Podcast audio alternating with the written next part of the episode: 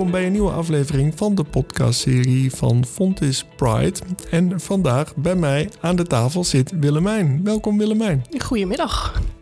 Willemijn, jij studeert in Tilburg bij Fontis. Klopt. Voor de luisteraar die jou niet kent, kun je kort stellen wie jij bent. Nou, ik ben uh, Willemijn. Ik ben inmiddels 23 jaar. Ik uh, loop al een tijdje rond hier op Fontis, maar ik studeer op dit moment uh, de PABO. Ik zit in mijn tweede jaar. En daarnaast de docentenopleiding Engels. Ja, in het voorgesprek zei ik, is de opleiding dan zo eenvoudig dat je twee tegelijk kan doen? Ja, niet bepaald eenvoudig, maar ja, het gaat me gewoon wat makkelijker af. Ja, en dan moet je voor jezelf gewoon een uitdaging zien te vinden. Nou, die heb ik gevonden.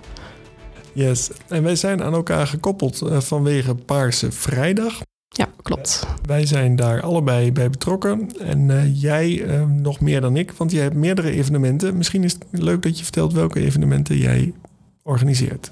Ja, nou, op maandag beginnen we natuurlijk met het hijsen van de vlag en het uh, ondertekenen van het uh, Paarse Manifest. Dus daar begint het allemaal, uh, allemaal al. Maar op woensdag ben ik betrokken bij de academische PABO en zal ik een presentatie geven over inclusie en hoe dat te verwerken is in het onderwijs. En op donderdag doe ik eigenlijk exact hetzelfde, alleen dan bij de propenduizenjaren van de PABO en de hoofdfase. Ja, het programma is bekend en staat ook online, dus daar gaan we het verder niet uh, al te veel over hebben. Ik bedenk mij nu, ik heb uh, bij het begin niet gevraagd, uh, hoe identificeer jij jezelf? Ik ben biseksueel en dat weet ik inmiddels een ongeveer een jaartje, dus ja. Oh, dat is dan nog niet zo lang? Nee, dat klopt. Nee, het is eigenlijk, ik ben in een burn-out beland en toen ben ik echt naar mezelf gaan kijken. En dat was eigenlijk voor het moment dat ik eigenlijk realiseerde dat ik ook tot de community behoor. Het is misschien uh, lastig om, om daarachter te komen en te, te denken: ik ben anders. Dat kan vervelend zijn. Heb je steun gehad van uh, je omgeving, bijvoorbeeld van je ouders? Nou, ik wist van uh, vroeger uit al wel dat mijn ouders me altijd zouden accepteren zoals ik ben. Dat hebben ze ook altijd gezegd. Nou ja, we willen eigenlijk gewoon dat je gelukkig bent. En met wie dat is of hoe dat eruit ziet, dat maakt ons niet zoveel uit. Zolang jij maar gewoon ja, jezelf kunt zijn. En dat maakt het voor mij eigenlijk ook heel makkelijk om dat gesprek aan te gaan en het gewoon daarover te hebben. En het was eigenlijk ook geen ingewikkelde coming out of zo. Nee, we hadden er gewoon een gesprek over en uh, ja, dat was het.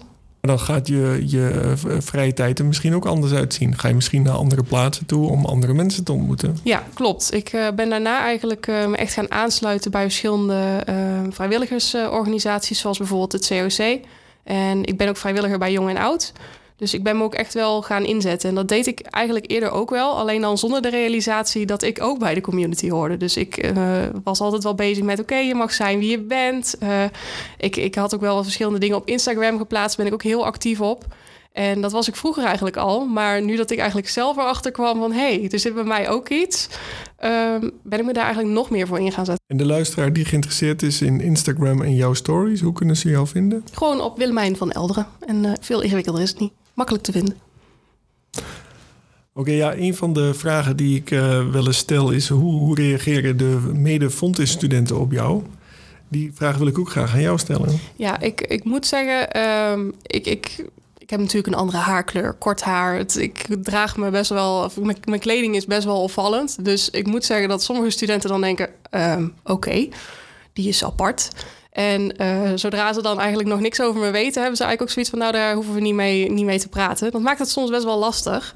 En ik vind het oké dat ik anders ben. En uh, daar heb ik ook echt absoluut geen moeite mee. Maar ik zou wel aan studenten willen vragen van... oké, hey, oordeel is niet al gelijk aan de buitenkant... maar ga eens met mij in gesprek. Misschien uh, kom je wel iets, iets leuks te weten... of hebben we meer raakvlakken dan je aan de buitenkant zou denken. Ja, want ehm, ik, ik kan jou zien, de luisteraar niet... maar je hebt, ik denk, goudkleurig haar. Ja, zoiets. Het was oranje, maar dat is er allemaal al uitgespoeld. Dus de intentie was anders. en de intentie was oranje? Ja, maar ik wissel om de twee maanden, dus... Misschien heb ik over twee maanden wel zwart haar. Je hebt uh, kerstboom uh, oorbellen in. Ja, het is 1 december, hè? dan mag je op tijd mee beginnen.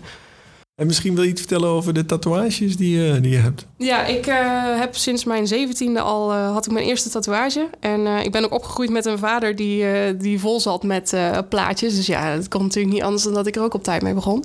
Ik ben een enorme Disney-fan. Dus mijn rechterarm staat eigenlijk volledig vol met ja, allerlei Disney-karakters. Dus mocht je me ooit met opgestroopte mouwen zien lopen, kun je me ook gelijk herkennen.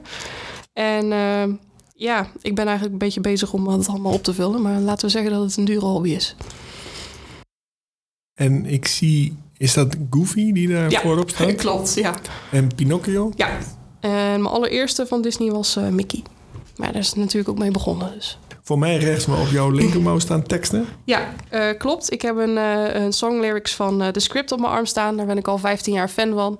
En ik heb hem eigenlijk laten zetten naar aanleiding dat de gitarist was overleden. En ja, ik vond het een mooie, mooi moment om, om dat te laten zetten.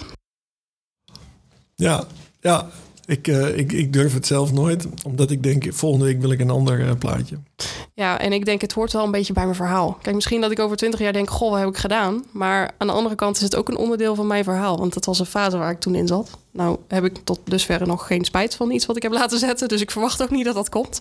Maar eh, Ja. Even terug naar wat je net zei. Je zei, ik zie er misschien wat anders uit met tato's en korte haren en gekleurd. En dat, dat, dat, hin- dat hindert me misschien soms dat mensen naar me kijken van eh, je bent raar en dan laten we je links liggen.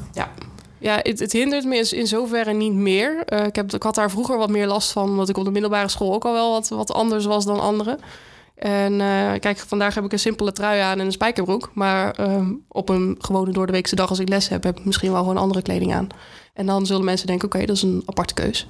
Ja, dat kan. Daar ben ik inmiddels aan gewend. Ja, en is dat ook een reden waarom jij gevraagd bent als levend boek? Ja, ik weet niet zozeer wat, of dat de aanleiding was, maar wel omdat ik al, eh, ik heb een, vorig jaar heb ik een GSA opgericht op eh, de Pabo. En toen heb ik me al heel actief ingezet. Dus eh, ik denk dat ze, ja, dat op de een of andere manier bij alle, allerlei partijen terecht is gekomen. En op die manier dacht ze, hé, hey, misschien kunnen we die er ook voor uitnodigen. Ja, want GSA, de afkorting staat voor Gender and Sexuality Alliance. Ja, klopt. En ehm, jij hebt er eentje opgezet hier binnen de PABO. Kun je Ja. vertellen waarom, met wie en wat zijn de activiteiten en de status nu? Eh, nou, ik heb het eigenlijk opgezet met de intentie van... hey, we, we willen studenten wat meer met elkaar in verbinding brengen. En eh, niet alleen studenten binnen de queer community... maar eigenlijk een plek, een, een soort van safe haven... voor iedereen die eh, aan wil sluiten. En we hebben gewoon bondgenoten nodig. En dat zeker in een tijd als, als dit merken wij gewoon van... dat we elkaar echt nodig hebben. En ehm, ja... Ik, ik, ik vond het nodig omdat wij er als Pabo nog geen hadden. En ik hoorde wel dat andere vleugels hem al wel hadden. En eh, nou ja, aangezien ik degene was die toch zoiets had van... hey, kunnen we daar iets mee? Eh, ben ik ook uitgenodigd vanuit een aantal docenten om dat te starten. En eh, ja, geprobeerd wat studenten te ronselen. Maar tot dusver zijn we een clubje van, ik geloof, vijf of zes. Dus voel je geroepen om aan te sluiten, dan mag dat altijd. Ja. Ja, snap ik. En wat zijn activiteiten die jullie zoal organiseren? Ja, tot dusver hebben we nog niet eh, heel veel gedaan, moet ik heel eerlijk bekennen. Vooral omdat ons clubje heel klein is. En je merkt dan toch al gauw dat je met verschillende roosters zit en het lastig is om, eh, om echt een grote activiteit van de grond te krijgen. Ik zou bijvoorbeeld heel erg graag een keer eh, ehm, bijvoorbeeld een, een, een dragcursus of zo willen doen. Maar ja, met een stuk of vijf mensen schiet dat niet echt op. Want ja, het is dan toch heel klein om dat bijvoorbeeld op een vrijdagmiddag te doen. Maar het lijkt me wel heel leuk om bijvo- of bijvoorbeeld om een spreker uit te nodigen van het COC. Of eh, ja, gewoon om met elkaar in gesprek te gaan. En eh, ja, we hebben één keer een spelletjesmiddag gedaan. Maar dat ja, is met vijf mensen ook wel eh, klein. En ga jij in die week van Paarse, waarin Paarse Vrijdag valt, ga je dan daar ook aandacht aan besteden? Ja, absoluut. Ik ga zeker, eh, eh, omdat ik die presentaties ga geven, eh, ga ik daar ook aandacht voor vragen. En eh, ja, ik hoop dat we op die manier ook gewoon weer meer mensen binnen weten te krijgen. Ja. Nu hebben we volgens mij wel genoemd dat je levend boek bent op Paarse Vrijdag, maar we hebben nog niet het concept van levend boek uitgelegd aan de luisteraar. Wil jij dat doen? Het concept levend boek is eigenlijk, eh, nou ja, dus het woord zegt het eigenlijk al, een boek. Ja, je trekt hem uit de kast en eh, er zit een verhaal in. En zo geldt het eigenlijk ook voor mensen. Eh, we hebben allemaal eigenlijk een buitenkant. En eh, goed, mijn buitenkant, eh daar oordelen mensen misschien over. Maar ze weten niet wat aan de binnenkant van, van mijn boek zit. En dat is interessant om daar op Paarse Vrijdag op in te zoomen. En mensen echt in contact te brengen. En ook te confronteren met misschien bepaalde verhalen waar ze nog geen kennis van hadden. Dat is eigenlijk het, het grootste concept. Het delen van verhalen en ja, elkaar in verbinding brengen. En eh, in het voorgesprek heb je aangegeven dat er eh, meerdere levende boeken zijn en iedereen heeft een eigen titel. Ja. En uh, wil jij delen met de luisteraar wat jouw titel uh, wordt? Mijn titel wordt Regenboogstrijder. Dat vraagt natuurlijk om een toelichting. Ja, dat snap ik. Nee, het is, uh, ik zet me heel erg ook in het basisonderwijs en in het voortgezet onderwijs ook heel erg in op uh, inclusie. En uh, ja, dat gaat van inclusief taalgebruik tot aan laat een kind in groep 1 en 2 zijn eigen verjaardagsmuts kleuren kiezen in plaats van je bent een jongen dus je krijgt blauw en je bent een meisje dus je krijgt roze. dat zijn kleine thema's waar ik me voor inzet. En zoals ik al zei, op Instagram ben ik heel actief. En uh, nou ja, op die manier uh, ben ik eigenlijk tot Rainbow uh, Warrior, maar dan in het Nederlands regenboogkrijger gekomen. Wat toevallig ook het schip van Greenpeace is. Maar dat was een dubbel, ja. een dubbel, dubbel grapje. We hebben het gehad over Paarse Vrijdag, maar er bestaat iets zoals Roze Maandag. Ja, klopt. Ben je daar actief? Ik ben hartstikke actief. Roze Maandag is voor mij echt een, een dag in het jaar dat ik echt gewoon helemaal los ga. Dan uh, is het om ochtends, tenminste ieder jaar doen ze dan ook een Pride Walk vanuit uh, Tilburg station. En daar begin je dan en je eindigt dan ook uh, gewoon midden in de stad in de, in de kermis. Want het is tijdens de Tilburgse kermis natuurlijk, voor de mensen die het niet weten. En ja, ik probeer dan ook altijd wel, wel gewoon vooraan een beetje mee te lopen. Ik heb ook al een keer in de krant gestaan met mijn gezicht. Dus ja, ik, wat dat betreft, dan ga ik helemaal los op roze maandag. Maar het, het, fijne is dat je gewoon met gelijkgestemden in contact wordt gebracht. En uh, kijk, in een dagelijks leven gebeurt dat misschien wat minder als je hier op school rondloopt. Maar op zo'n roze maandag ja, ben je eigenlijk echt met de community samen. En je ziet dat er zo'n fijne sfeer ontstaat. Omdat iedereen weet, oké, hier mag ik zijn wie ik ben. En dat maakt uh, een roze maandag, maar ook een paarse vrijdag zo belangrijk. Omdat je dan toch echt dat uh, gevoel van verbondenheid hebt met elkaar. Is er nog iets wat ik niet heb gevraagd wat je graag zou willen toevoegen? Ik denk dat je me aardig aan het woord hebt gelaten. Ik heb uh, aardig wat van je tijd in beslag genomen, geloof ik. ja, zet me aan en ik ga praten. Dus, uh... Stel, de luisteraar wil graag in contact komen met jou. Hoe kunnen ze dat het beste doen? Nou, via Instagram mag je me altijd een berichtje sturen. Uh, ben ik heel toegankelijk. Maar als je me in de wandelgangen voorbij ziet komen, trek me aan mijn mouw en ik sta klaar voor je. Ja, dan rest mij niks anders dan jou te bedanken voor dit gesprek. Ja, dankjewel. En uh, ook uh, de luisteraar wil ik bedanken voor het feit dat je tot het einde bij ons bent gebleven. Vergeet niet om je te abonneren, want binnenkort staat er een nieuwe aflevering voor je klaar. Graag tot dan.